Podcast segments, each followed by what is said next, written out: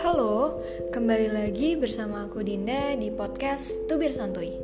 Kali ini kita akan membahas tentang podcast yang berjudul Perjanjian Perkawinan Perlu Nggak Sih? Nah, perjanjian perkawinan sendiri adalah perjanjian yang mengatur akibat dari adanya suatu perkawinan. Perjanjian ini dapat dibuat pada waktu sebelum dilangsungkan atau selama dalam ikatan perkawinan yang lazimnya mengatur tentang harta bawaan dalam perkawinan, utang, baik itu oleh suami maupun istri, dan lain sebagainya.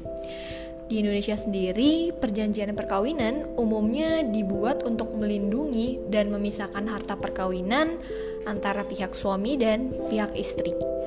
Mengenai harta, kita harus paham terlebih dahulu status harta dalam perkawinan. Menurut Undang-Undang Perkawinan itu sendiri, harta perkawinan terdapat dua jenis. Yang pertama itu harta bawaan. Harta yang diperoleh sebelum perkawinan dilangsungkan. Jadi misalnya sebelum Anda maupun pasangan Anda melangsungkan perkawinan, kalian memiliki tabungan ataupun warisan atau mungkin hibah dari orang tua. Sedangkan yang kedua itu ada harta bersama atau yang biasa dikenal sebagai harta gonogini. Harta ini diperoleh setelah dilangsungkannya perkawinan.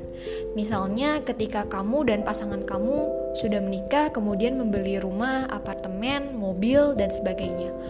Konsekuensi dari adanya harta bersama adalah dikuasai oleh suami maupun istri. Sehingga baik itu suami dan istri dapat bertindak terhadap harta bersama atas persetujuan kedua belah pihak.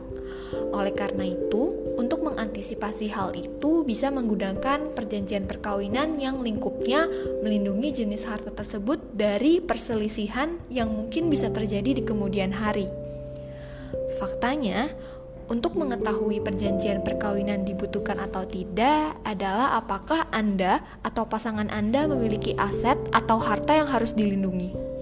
Terutama jika Anda maupun pasangan Anda memiliki harta yang berlimpah maka perjanjian perkawinan sangat dianjurkan. Biasanya terdapat beberapa alasan nih dibuatnya suatu perjanjian dalam konteks melindungi harta. Pertama, apabila terdapat sejumlah harta kekayaan yang lebih besar pada satu pihak daripada pihak yang lain. Yang kedua, kedua belah pihak sama-sama memiliki pemasukan yang besar. Dan yang ketiga, eh, kedua belah pihak mempunyai usahanya masing-masing.